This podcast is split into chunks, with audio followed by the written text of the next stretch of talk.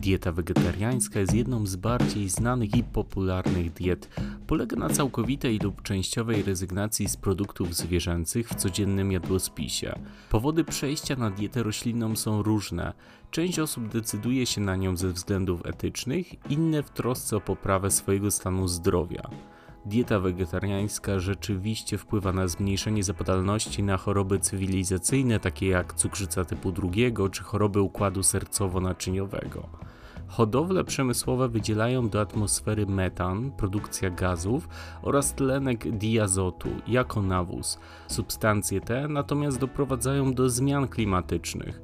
Według raportu ONZ hodowla zwierząt przyczynia się do efektu cieplarnianego w większym stopniu niż różne formy transportu łącznie. W dzisiejszym nagraniu poruszymy dwa główne nurty diet roślinnych weganizm wykluczający wszystkie produkty pochodzenia zwierzęcego, również nabiał i jaja, oraz wegetarianizm, czyli rozszerzenie weganizmu o nabiał i jaja z dalszym wykluczeniem mięsa, w tym ryb. Osoby będące na tych dietach powinny dostarczać odpowiednią ilość składników odżywczych, jednak nie zawsze intuicyjny dobór produktów sprawi, że dieta będzie w pełni zbilansowana. Należy wyłączyć do jadłospisu produkty, które będą źródłem białka i składników mineralnych. W przypadku weganizmu również zadbać o odpowiednią suplementację i diagnostykę. Diety wegetariańskie niosą za sobą szereg zalet, ale też wad. Opowiemy o nich dziś szczegółowo. W dużej mierze poprawne odżywianie wiąże się z tym, czy dieta jest dobrze zbilansowana i dostarcza szereg ważnych substancji odżywczych. Dietę wegetariańską można zbilansować poprawnie pod każdy stan fizjologiczny, a dietę wegańską trzeba w tym celu dodatkowo suplementować. Stosowanie tego typu sposobu żywienia u dzieci przyczynia się do wdrożenia zdrowych nawyków żywieniowych już od najmłodszych lat. Diety roślinne przyczyniają się w dużej mierze do poprawy parametrów gospodarki lipidowej, m.in. obniżenia wartości cholesterolu całkowitego, triglicerydów, obniżenia ciśnienia tętniczego czy zmniejszenia ryzyka zachorowania na cukrzycę typu drugiego. Wegetarianie znacznie częściej wyróżniają się niższą masą ciała oraz niższym współczynnikiem zachorowań na niektóre nowotwory, w tym np. jelita grubego. Dzisiejszy odcinek prowadzą standardowo dietetycy Stowarzyszenia Spożywo. Żaneta Michalak, Przemysław Mijal oraz Artur Wesoły. Partnerem audycji jest Sanprobi, producent probiotyków dopasowanych do Twoich potrzeb. Zacznijmy od samej nomenklatury, bo mm. rozmawiamy dzisiaj o wegetarianizmie i weganizmie, a ich odmian jest ogrom. Na pewno skrajnych wersji, jak przykładowo witarianizm, czyli jedzenie wyłącznie surowych warzyw i owoców, pewno poruszać nie będziemy, przynajmniej nie mm. jakoś szeroko. Sam weganizm będzie wersją diety, w której nie zjadamy nie tylko mięsa zwierząt, ale też żadnych produktów pochodzenia zwierzęcego. Nie jemy też mleka, serów, jajek czy nawet miodu, który produkują pszczoły, więc weganie mhm. E, też ten produkt wykluczają.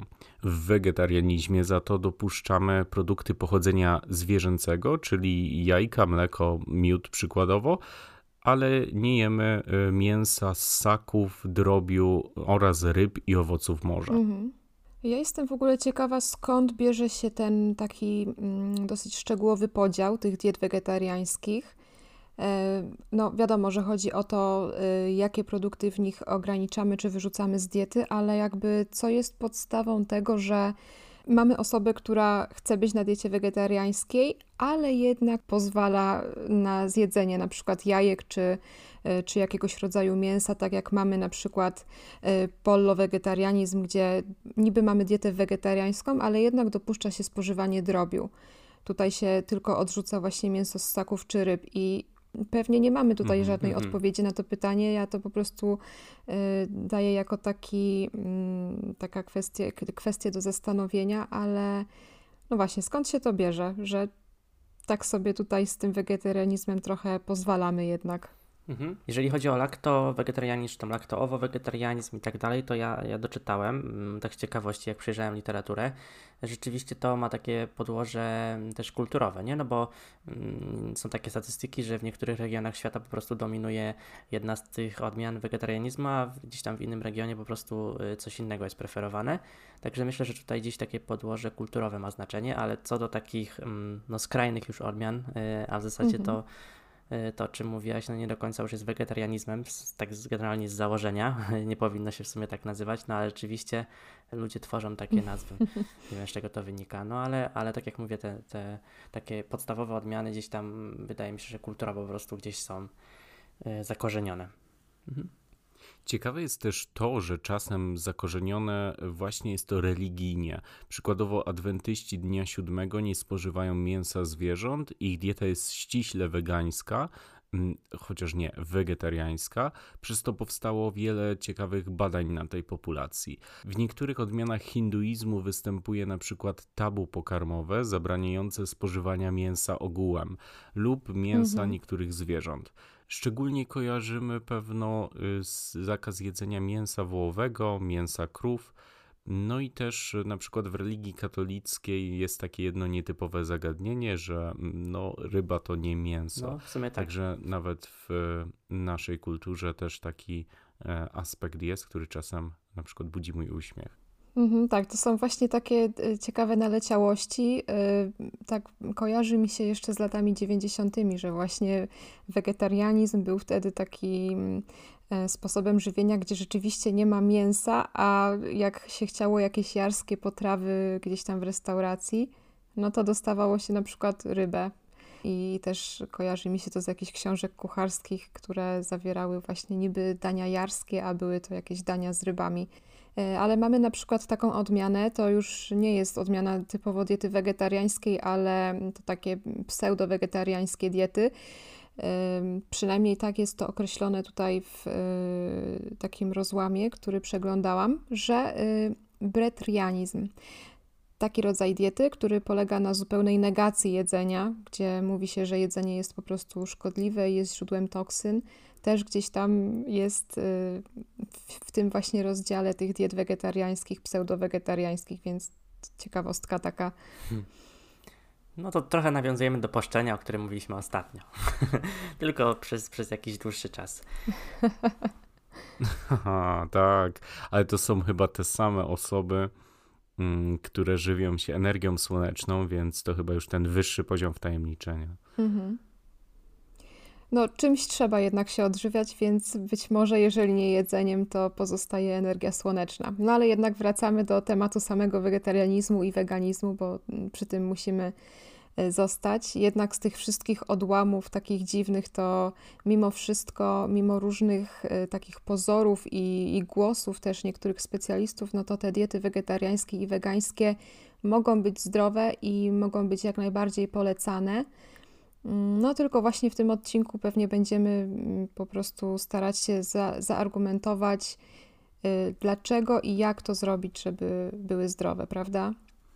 Mhm. Chyba warto zaznaczyć na samym początku, że wszystkie szanowane towarzystwa dietetyczne, w tym nasz Polski Instytut Żywności i Żywienia, uważają dietę wegetariańską za odpowiednią dla całej populacji. Co do diety wegańskiej, już takiego konsensusu nie ma. Ostatnio nawet Państwowa Akademia Nauk wydała kontrowersyjną dość w środowisku opinię, że dieta e, wegańska może być niedoborowa u młodzieży, osób aktywnych e, czy kobiet w ciąży.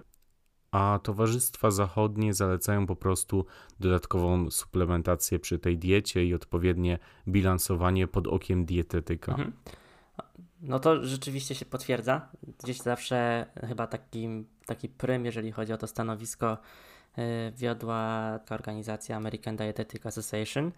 Ale ja znalazłem w jednej publikacji właśnie też informację, nie wiem czy ona jest aktualna, mm, bo ta publikacja jest sprzed kilku lat, mm, ale taką informację, że niemieckie Towarzystwo Żywieniowe mm, właśnie nie zaleca diet wegetariańskich ani wegańskich podczas ciąży, laktacji czy, czy w okresie dzieciństwa, argumentując to w ten sposób, że jednak jest tam niewystarczająca podaż niezbędnych składników odżywczych. I, i szczerze mówiąc, no mówię to jako ciekawostkę, nie do końca wiem, czy jest to y, nadal obowiązujące stanowisko, mhm. no ale jeszcze sprzed kilku lat y, takie stanowisko y, za granicą naszą zachodnią można było spotkać, więc y, to, to też ciekawe, bo rzeczywiście raczej większość świata powołuje się przede wszystkim na stanowisko amerykańskie i, i sami tutaj też takie zdanie przyjmują. Y, rzeczywiście ta dieta dobrze zbilansowana może być odpowiednia nawet w takich specyficznych stanach fizjologicznych. Mhm, tak, ja z kolei znalazłam informację, że mm, stosowanie tych diet wegetariańskich i wegańskich u dzieci jak najbardziej jest możliwe, jest korzystne. E, te dzieci e, na dietach wegetariańskich i wegańskich mają ogólnie niższą masę ciała niż ich rówieśnicy. E, I tutaj chodzi o to, że ta masa ciała jest niższa, ale nie jest niezdrowo niska. E, do tego jeszcze mm, sam skład tej diety mm, u tych dzieci jest dużo korzystniejszy niż u ich rówieśników, którzy jedzą y, zwykłą, standardową dietę.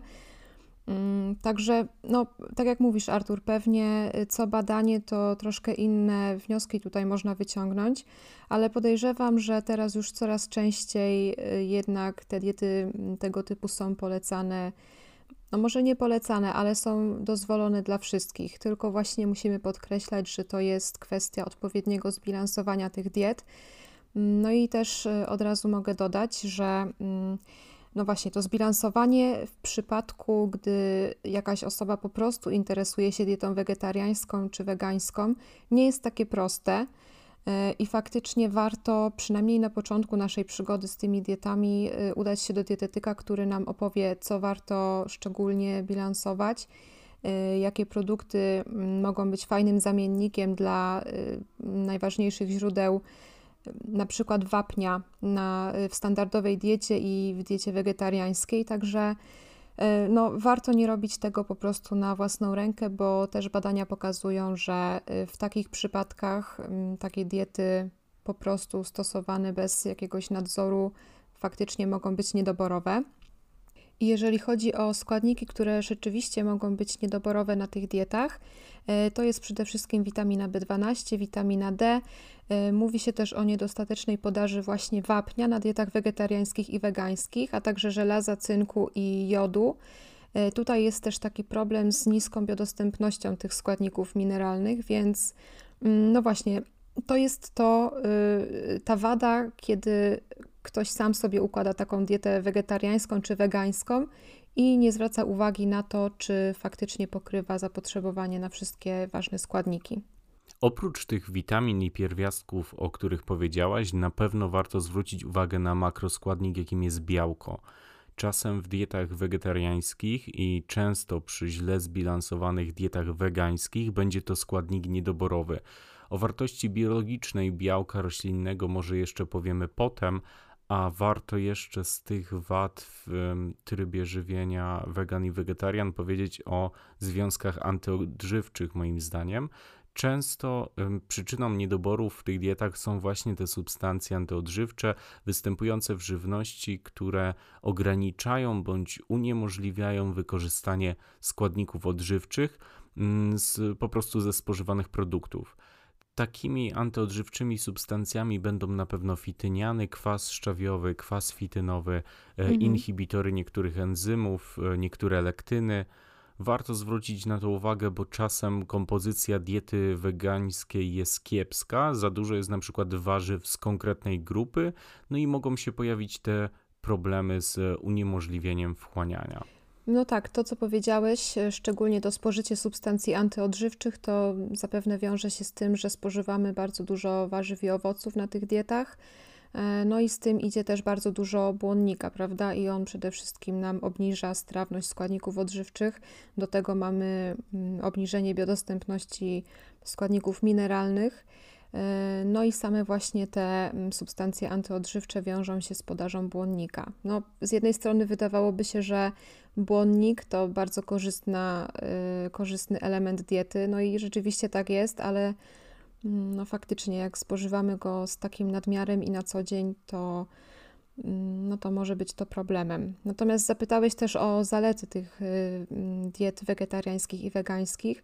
Ja bym tutaj przede wszystkim powiedziała, że właśnie ta wysoka podaż y, owoców i warzyw to jest ogromna korzyść.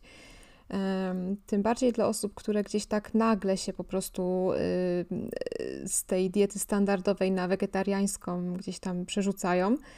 E, no to faktycznie taka odmiana może być bardzo korzystna dla ich zdrowia. Jednocześnie to wpływa na obniżenie mm, na przykład stężenia glukozy we krwi, obniżenie cholesterolu, y, tego złego, tak zwanego. Mm, no i też gdzieś tam wyczytałam, że przez to, że spożywamy właśnie taką dietę wegetariańską, to y, mamy korzystny stosunek sodu i potasu w diecie, bo jednak na tej diecie standardowej, takiej mięsnej, Y, może być to troszkę zaburzone. Y, to jest szczególnie niekorzystne dla osób starszych, które mają na przykład już problemy z układem y, sercowo-naczyniowym. Mm, no, także to bym tak podsumowała. Nie wiem, czy jeszcze widzicie jakieś zalety takich diet? Jak najbardziej. Mówiąc już o takich konkretnych e, aspektach, często występuje takie zjawisko przejścia, wręcz zbawienny wpływ tej diety w pierwszych etapach. Jest to spowodowane tym, że te osoby przechodzące na dietę spożywały dawniej żywność o y, niedoborową, o niskim niskiej gęstości odżywczej, teraz spożywając dużą ilość warzyw, dużą ilość owoców, wyrównują stężenia e, witamin, czy na przykład e, spożywając posiłki dostarczają lepszego profilu kwasów tłuszczowych i czują się zdecydowanie lepiej. Taki efekt przejścia można zobaczyć też w drugą stronę, gdy przykładowo wieloletni weganie zaczynają jeść mięso i nagle czują się o wiele, wiele lepiej. Oczywiście to nie jest reguła, bardziej mm, taka moja anegdotyczna obserwacja, ale już w samych dietach wegetariańskich, a bardziej nawet wegańskich mamy bardzo dobry wpływ na gospodarkę cukrową, na przykład w insulinooporności poziom cukru we krwi jest stabilniejszy ze względu na dużą ilość błonnika, niski indeks glikemiczny produktów, także takie y, dobre strony można też faktycznie zobaczyć i poczuć Mm, przechodząc na tą dietę.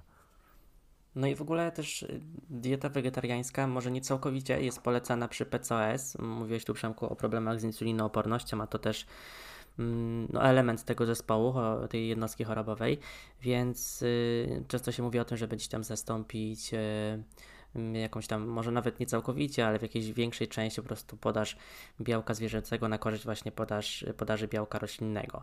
Yy, więc y, ja tutaj też widzę duż, dosyć dużą zaletę, jeżeli chodzi na przykład o tą jednostkę chorobową, mm, żeby troszkę tych y, no, źródeł białka y, roślinnego też wprowadzić do diety.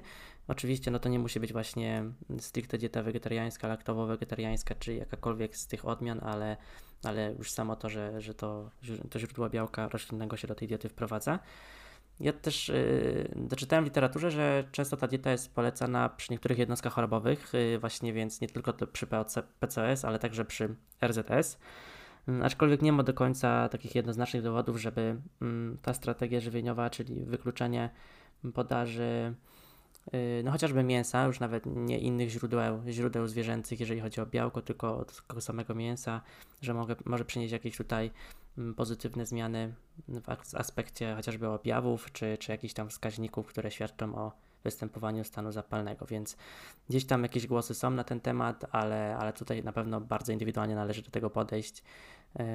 No i to też w zależności od preferencji pacjenta, bo ciężko komuś narzucić, żeby tego mięsa nie spożywał albo je bardzo mocno ograniczał, jeżeli ktoś po prostu tego nie chce. No, także jeżeli chodzi o zalety, to tyle chyba. W chorobach cywilizacyjnych, jak cukrzyca typu drugiego, zespół metaboliczny, otyłość, wegetarianie są właśnie mocno punktowani jako ten zdrowy tryb żywienia, który pomaga zapobiegać tym jednostkom.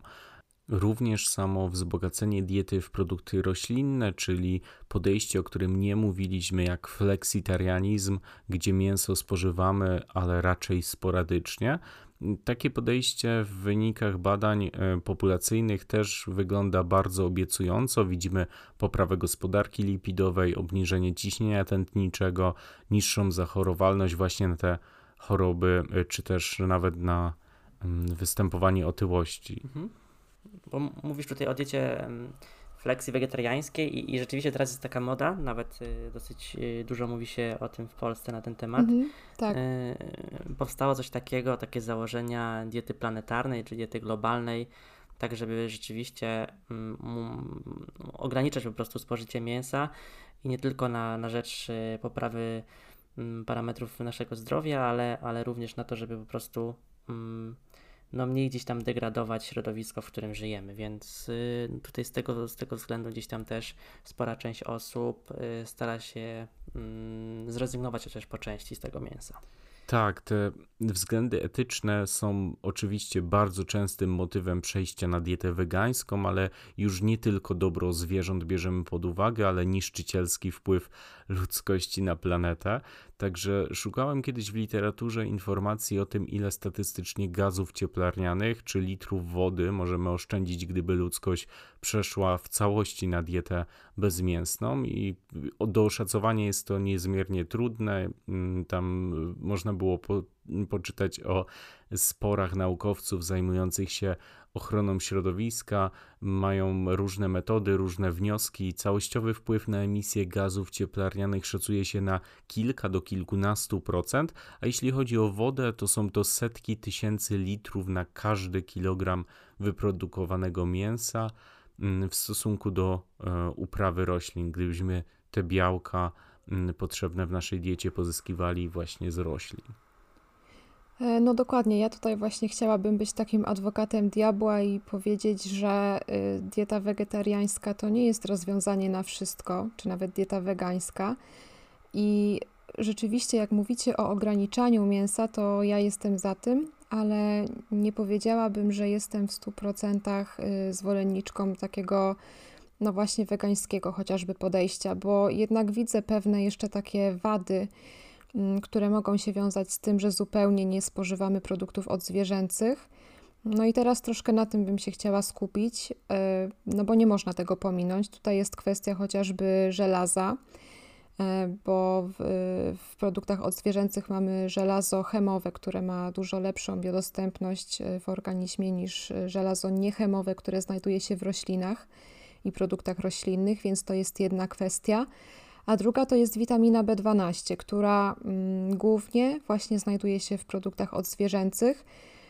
Y, pewne jej ilości znajdują się też na przykład w algach, no ale y, z praktyki wiem i też podejrzewam, że można by to odnieść do większej grupy wegan, y, że nie spożywają alg na co dzień jednak. I w takiej sytuacji faktycznie ta mm, witamina B12 no ona jest na liście y, koniecznych w diecie wegańskiej suplementów, więc też nie możemy tak. o tym zapominać i jednak no, moim zdaniem to jest taki argument na to, że jak ktoś y, chce już właśnie stosować dietę wegańską, no to niech zwróci na to uwagę. Mm, albo może y, rzeczywiście lepiej po prostu tylko ograniczyć mięso, a niekoniecznie od razu przechodzić na dietę wegańską. To jest oczywiście moje zdanie i Y, to też nie jest tak, że jestem jakaś nieczuła na kwestie etyczne i ekologiczne. Y, wręcz przeciwnie, ale z takiego zdrowotnego punktu widzenia patrząc, no właśnie, ograniczmy mięso, ale może niekoniecznie do zera. Właśnie tak jest w przypadku diet stricte wegańskich. Trzeba pamiętać, że witamina B12 jest produkowana przez bakterie i magazynować mogą ją wyłącznie zwierzęta, przez to dobrym jej źródłem są właśnie produkty odzwierzęce. Jej niedobór wiąże się m.in. z ryzykiem występowania niedokrwistości megaloblastycznej oraz widocznymi zaburzeniami koncentracji, zmęczeniem. Mm, drugą kwestią, którą poruszyłaś, jest właśnie żelazo. Mamy je ograniczone ze względu na żelazo niechemowe w diecie, które procentowo jest nieco gorzej, o trzy razy gorzej przyswajalne od jego e, odpowiednika w, e, dostarczonego z produktami zwierzęcymi. No i czyli na pewno prowadząc dietę wegańską robimy raz w roku badanie oceniające poziom ferrytyny, która jest rezerwuarem żelaza, ale też podstawową morfologię pewno dwa razy w roku, Mm, ale to zalecenie powinno się tyczyć całej populacji, nie tylko wegan. Tak, i raz w roku ja bym też zalecała y, zbadanie poziomu witaminy B12. No tak, bo jak widzimy już problemy w morfologii, to jest nieco za późno. Jak już rozmawiamy o niedoborach, to trzeba zwrócić uwagę na wapń, o którym Żaneta wspomniałaś. Mówiliśmy mhm. o błonniku, przykładowo fityniany znajdujące się w pieczywie z grubszego przemiału, czy też otrębach owsianych będą ograniczać jego wchłanianie. Tak samo kwas szczawiowy, który znajdziemy na przykład w kawie i herbacie, czy też szpinaku, będzie wiązał właśnie wapni w diecie.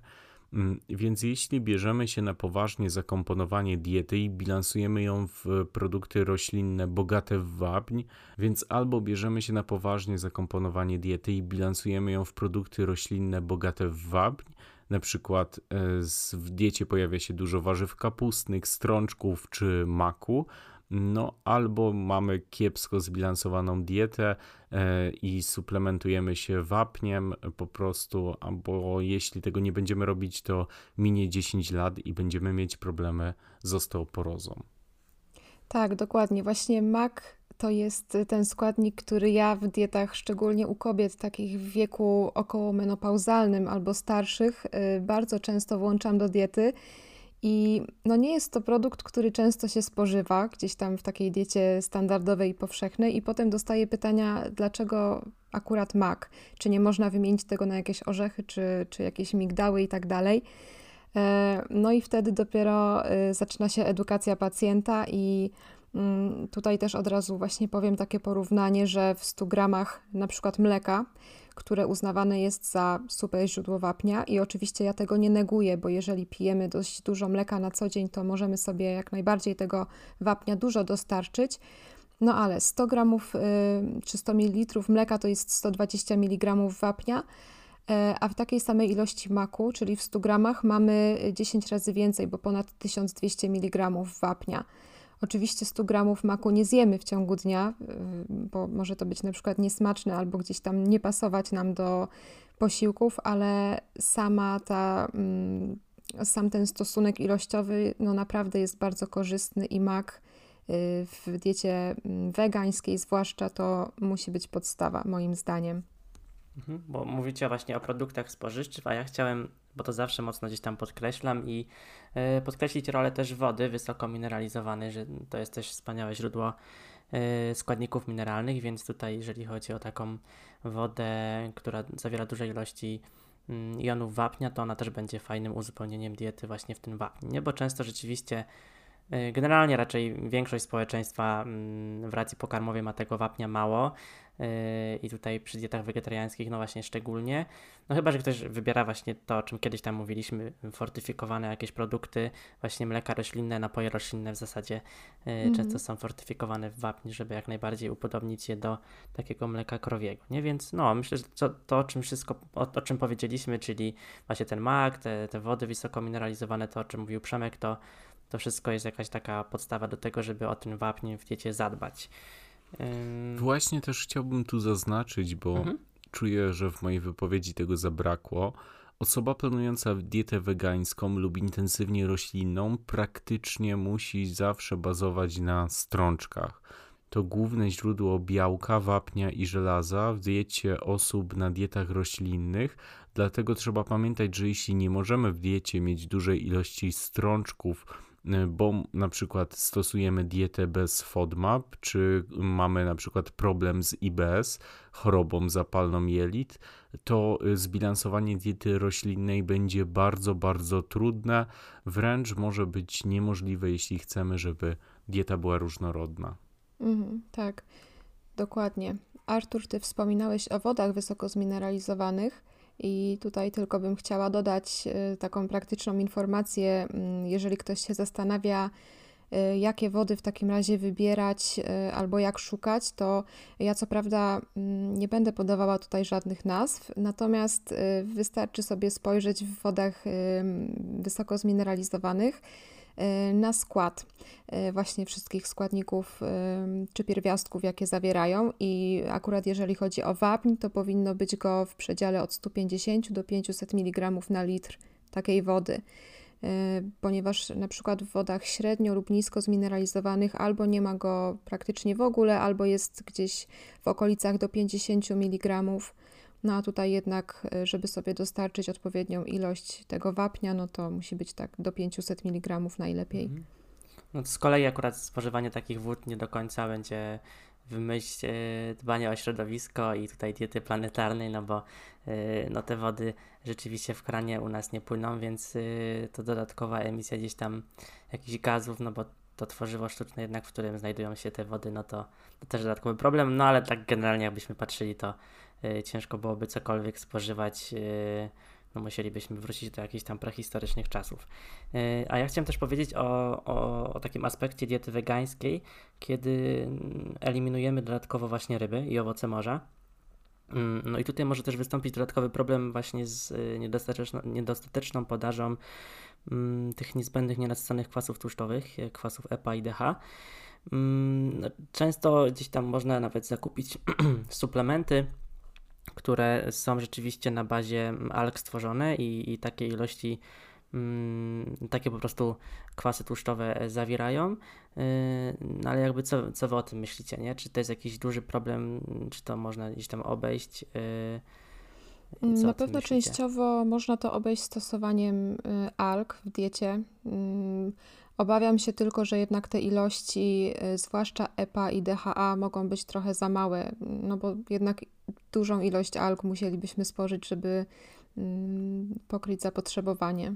Trzeba w takiej diecie stosować dodatkową suplementację DHA, na przykład z alg morskich. Tak. Mamy też y, kwas alfa-linolenowy z oleju lnianego bądź rzepakowego, który będzie w drobnym, ale zawsze stopniu konwertować do EPA i DHA.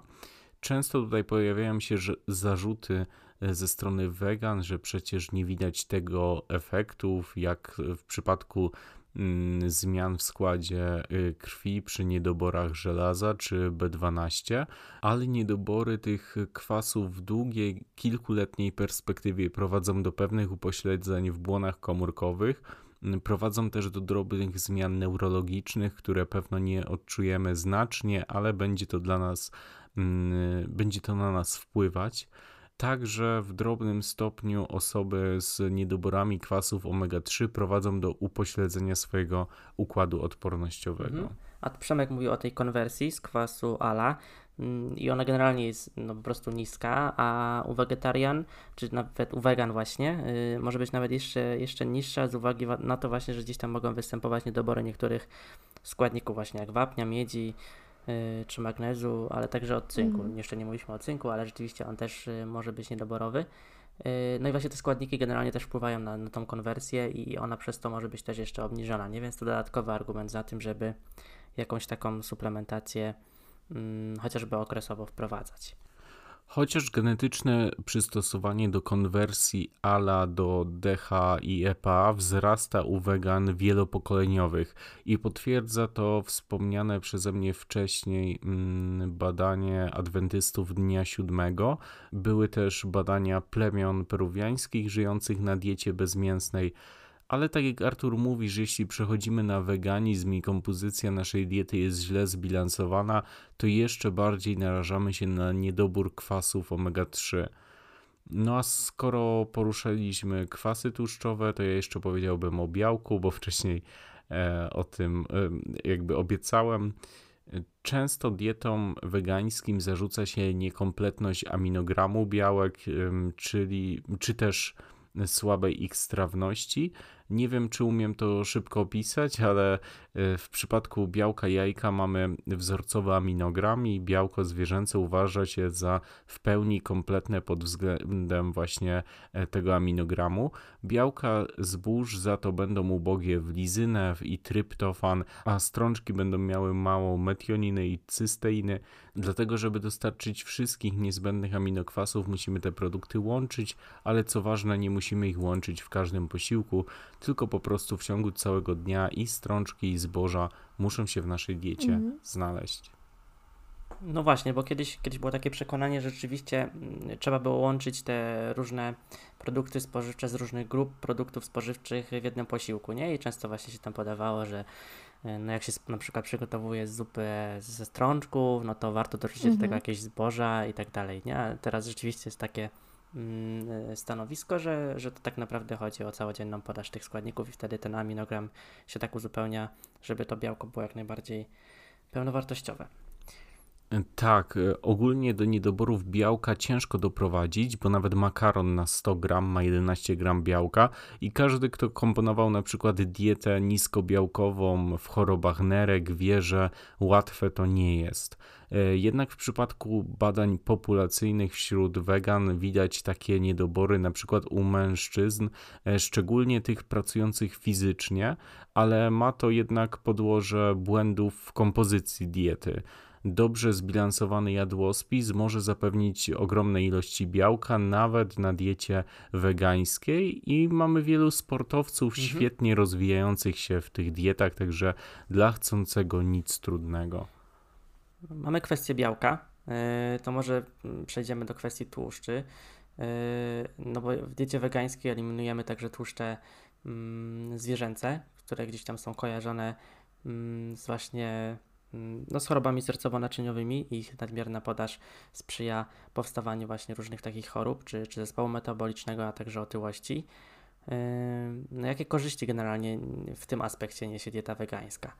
Ja myślę, że to jest przede wszystkim e, ograniczenie e, tłuszczów nasyconych, czyli tych charakterystycznych dla produktów odzwierzęcych. Mm, no a jednak e, kwasy tłuszczowe nasycone y, wiążą się z większym ryzykiem chorób sercowo-naczyniowych. Oczywiście y, to jest też złożona kwestia i y, już jest bardzo wiele badań wskazujących na to, że to niekoniecznie tłuszcze nasycone, ale też sam poziom homocysteiny wpływa na właśnie to ryzyko chorób sercowo-naczyniowych. E, mimo wszystko y, tłuszcze nasycone są pewnym czynnikiem ryzyka i myślę, że właśnie ograniczenie ich w diecie jest jak najbardziej korzystne dla naszego układu sercowo-naczyniowego. Mm, no i ta druga kwestia to jest, myślę, ogólne ograniczenie zawartości tłuszczu w diecie, takiej wegetariańskiej i wegańskiej, bo jednak e, samo to, że wyrzucamy mięso, przetworzone produkty mięsne z diety, mm, już powinno y, wpłynąć na redukcję zawartości tłuszczu. Natomiast znam też takie osoby, które będąc na diecie wegetariańskiej y, spożywają bardzo duże ilości sera, na przykład sera żółtego.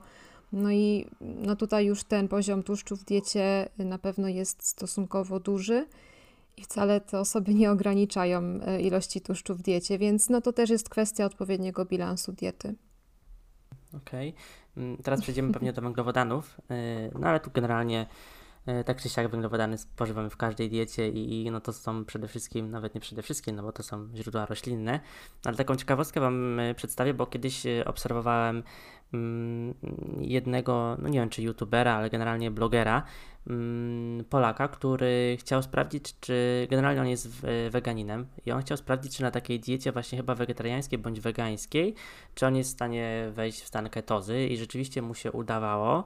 E, szczególnie rano, kiedy w nocy po prostu pościł, to udało mu się rano po prostu wygenerować odpowiednią ilość ketonów, tak aby taki stan po prostu e, w tych parametrach potwierdzić.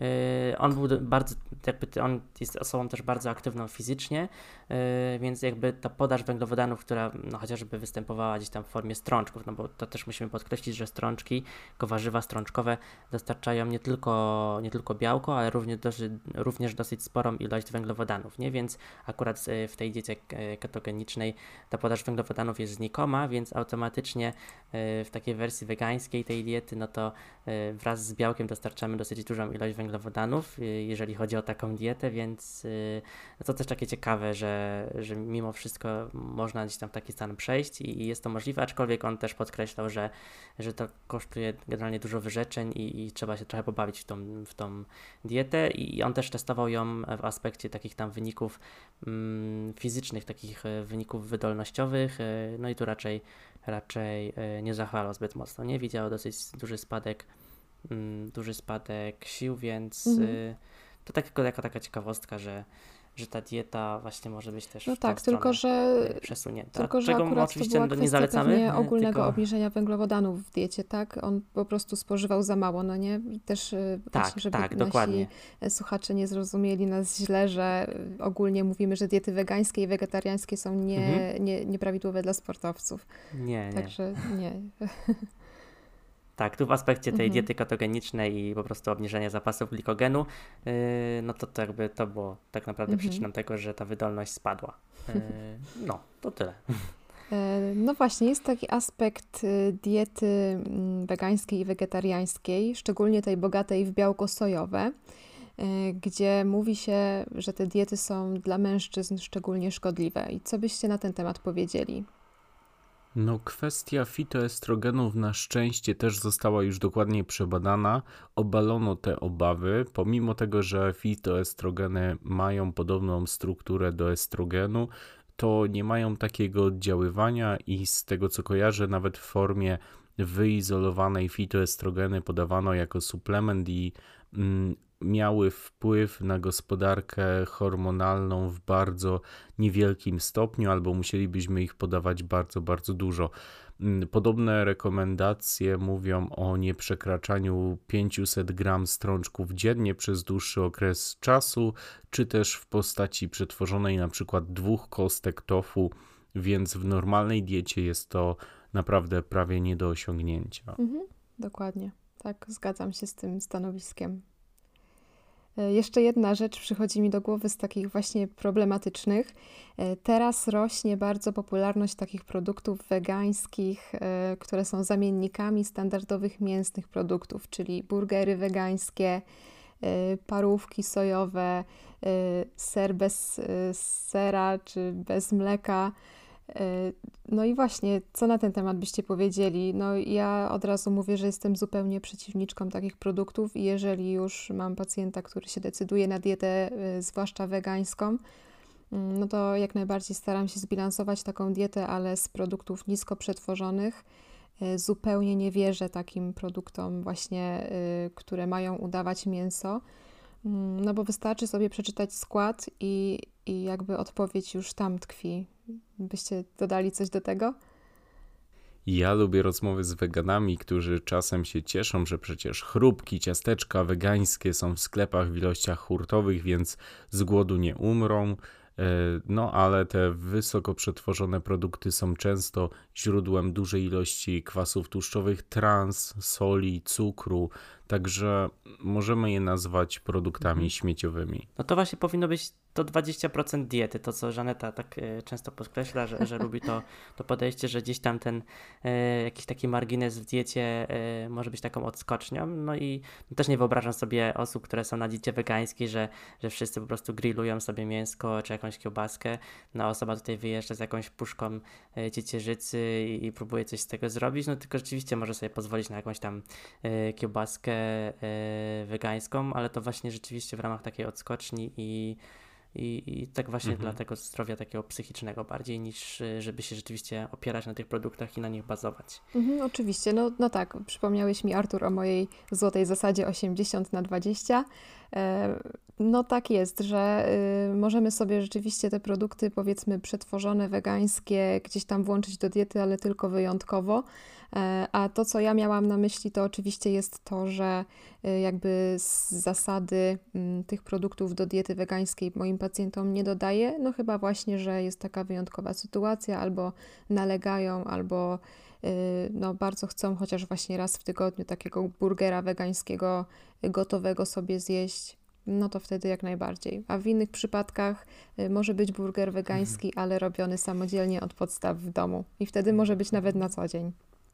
Yy, jeszcze jedna kwestia mi się przypomniała, yy, bo Żaneta mówiła o, o tym, że rzeczywiście teraz, yy, jeżeli chodzi o świat naukowy, w praktyce może się to trochę mniej sprawdza jeszcze, ale szczególną, no coraz większą uwagę zwraca się na poziom homocysteiny w aspekcie chorób sercowo-naczyniowych. Ja doczytałem też taką informację, która mnie bardzo zaciekawiła, że często u wegan poziom tej homocysteiny może być nawet wyższy niż niż u osób, które takiej diety nie stosują i to, i to jest dosyć ciekawe. E, nawet też należy podkreślić, że mm, jakby poziom homocysteiny zależny jest też od, e, od podaży mm, kwasu foliowego czy witaminy B12. Generalnie one tam dosyć mocno biorą udział w całym tym metabolizmie i e, jakby zbyt niska podaż, czy jakieś mutacje genetyczne mogą sprawić po prostu, że ten metabolizm nie będzie przebiegał tak jak powinien. No i jakieś tam niedobory nawet przy doborowej diecie y, mogą się pojawić, a to generalnie może mieć też właśnie związek z podwyższonym poziomem homocysteiny, która rzeczywiście ma, mm, no jest powiązana po prostu z podwyższonym ryzykiem chorób sercowo-naczyniowych, więc to też takie dosyć ciekawe, bo raczej kwasu foliowego w dietach roślinnych nie brakuje, bo tych zielonych warzyw liściastych spożywa się raczej dość sporo, no ale z tą witaminą B12 to o czym mówiliśmy może być problem. Jest jeszcze taka kwestia często podejmowana. W przypadku diet obfitujących w mięso mamy obawę, że będą w nich zawarte duże stężenia antybiotyków bądź też pochodnych tych antybiotyków. I w przypadku roślin mamy podobny, ale nieco inny problem, bo stosuje się herbicydy, środki ochrony roślin, które czasem nie są tylko używane do samej uprawy, ale też na przykład do desykacji, czyli suszenia i prewencji pleśnienia plonów. E, więc tak w przypadku mięsa, jak i w przypadku roślin powinniśmy mieć z tyłu głowy, aby kupować je w dobrych źródłach, a nie wybierać tych najtańszych, niewiadomego pochodzenia. Mm, jeśli możemy sobie na to pozwolić, to wybierajmy po prostu produkty ekologiczne lub kupujmy u zaufanych rolników. Mhm, dokładnie. No ja mam nadzieję, że nikt z naszych słuchaczy nie wybiera mięsa z szemranych źródeł, bo to by było bardzo niebezpieczne. Mi się wydaje, że jeszcze, jeszcze jeden taki aspekt yy, i, często w tych dietach yy, właśnie takich bardziej roślinnych, wegetariańskich czy wegańskich pojawia się mm, bardzo dużo takich produktów z grupy superfoods. Tak mi się wydaje, że ta grupa społeczna, czy te osoby, które świadomie bardziej podchodzą do żywienia i, i rzeczywiście nawet no, z różnych względów chcą troszkę ograniczyć to mięso, czy jego nie jedzą, no to one częściej sięgają po jakieś takie właśnie produkty roślinne z grupy superfoods, które dodatkowo gdzieś tam mm, no, dostarczą jeszcze większej ilości różnych składników mineralnych, witamin czy jakichś związków bioaktywnych do, do swojej diety. Co ty myślicie? Bo tam właśnie te nasiona chia się przewijają i, i szereg innych różnych produktów, które no, potencjalnie mogą zwiększyć nie wiem, potencjał antyoksydacyjny diety, zwiększyć właśnie podaż kwasu alfa-linolenowego na przykład w diecie, więc yy, czy macie jakieś takie doświadczenie ze swoimi pacjentami, czy z osobami nawet z jakiegoś towarzystwa yy, przyjaciół czy znajomych? Z mojego doświadczenia często te produkty e, nazywane super pojawiają się jako obietnica zdrowia, wiecznej młodości, a często e, to po prostu chwyt marketingowy, a jesteśmy w stanie mieć te same super produkty z taniej półki, na przykład warzywa kapustne, liściaste, buraki czy siemielniane i orzechy. Mhm, tak, no to też e, zależy przede wszystkim od gustów, od smaków pacjentów, przynajmniej tak właśnie u mnie to wygląda, mm, że czasami jeżeli nalegają i lubią takie produkty, to jak najbardziej ja nie mam nic przeciwko temu, żeby to y, dodać do ich diety. Z kolei mm, na przykład chlorella mm, to jest też dobre źródło wapnia na takiej diecie mm, wegańskiej zwłaszcza, więc no czasami można takie coś dodać, ale oczywiście to wszystko w porozumieniu z pacjentem.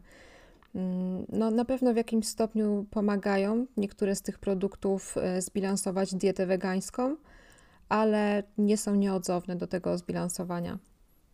No bo to często rzeczywiście jakiś dodatek, jak na przykład zobaczymy jakiegoś tam wegańskiego batonika, yy, no to często właśnie gdzieś tam jakiś dodatek takich związków, znaczy związków produktów, które są zaliczane do tej grupy.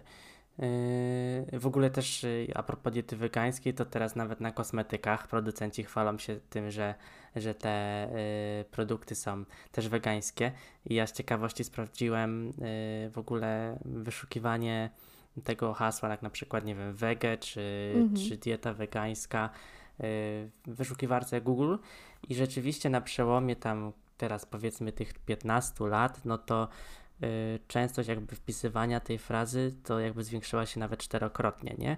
Więc y, już tam bez żadnych liczb, ale to też widać, że ten wzrost zainteresowania taką dietą w naszym kraju y, przez te ostatnie kilkanaście lat bardzo mocno wzrosło wzrasta i robi się popularne.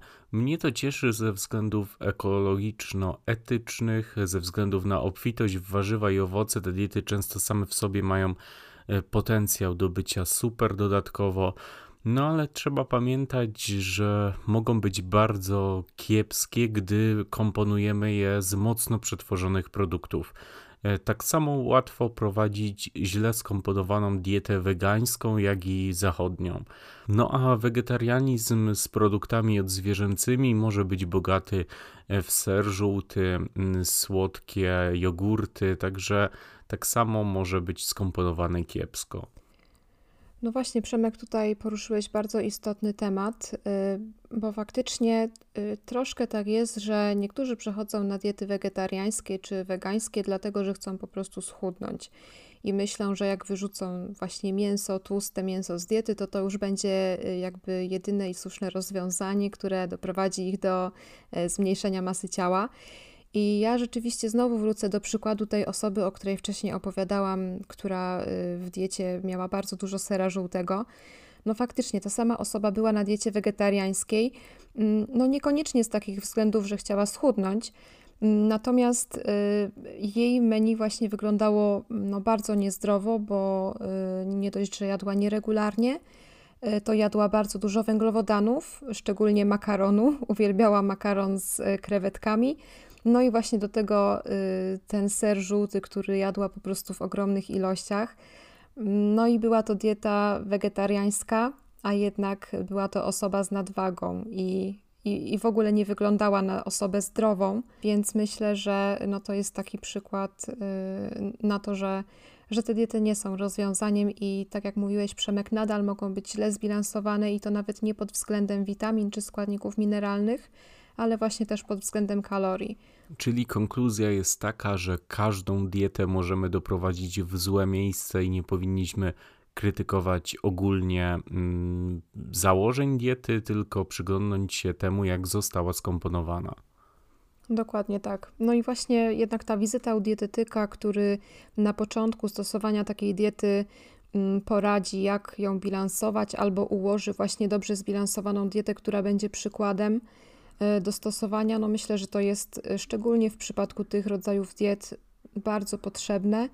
No bo tak jak wcześniej mówiliśmy, zagrożenie niedoborami związanymi z tymi dietami jest dość duże.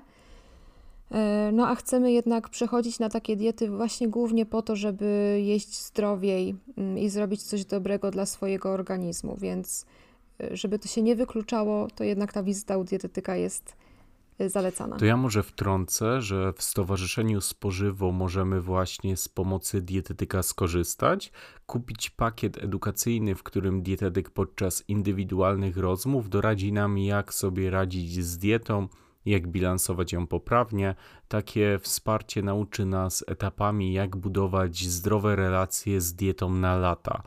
Mm, warto też dodać, że cały dochód przeznaczamy na projekty edukacyjne i nieodpłatną pomoc osobom z chorobami dietozależnymi, więc kupujecie konsultacje dla siebie, a nasze stowarzyszenie za zebrane środki pomaga nieodpłatnie osobom cierpiącym z powodu jednostek przewlekłych, w których dieta ma szczególne znaczenie. Możemy zrobić jeszcze jedną specjalną zachętę na hasło powiedzmy brokuł pisane małymi literami dostaniemy 20% zniżki na naszą ofertę, także zapraszamy na spożywo.pl do zakładki konsultacja. Dziękujemy za wysłuchanie kolejnego odcinka podcastu Stowarzyszenia Spożywo. Jeśli masz do nas pytania, zapraszamy do mediów społecznościowych. Znajdziesz nas na Facebooku i Instagramie. Kolejne odcinki już niebawem.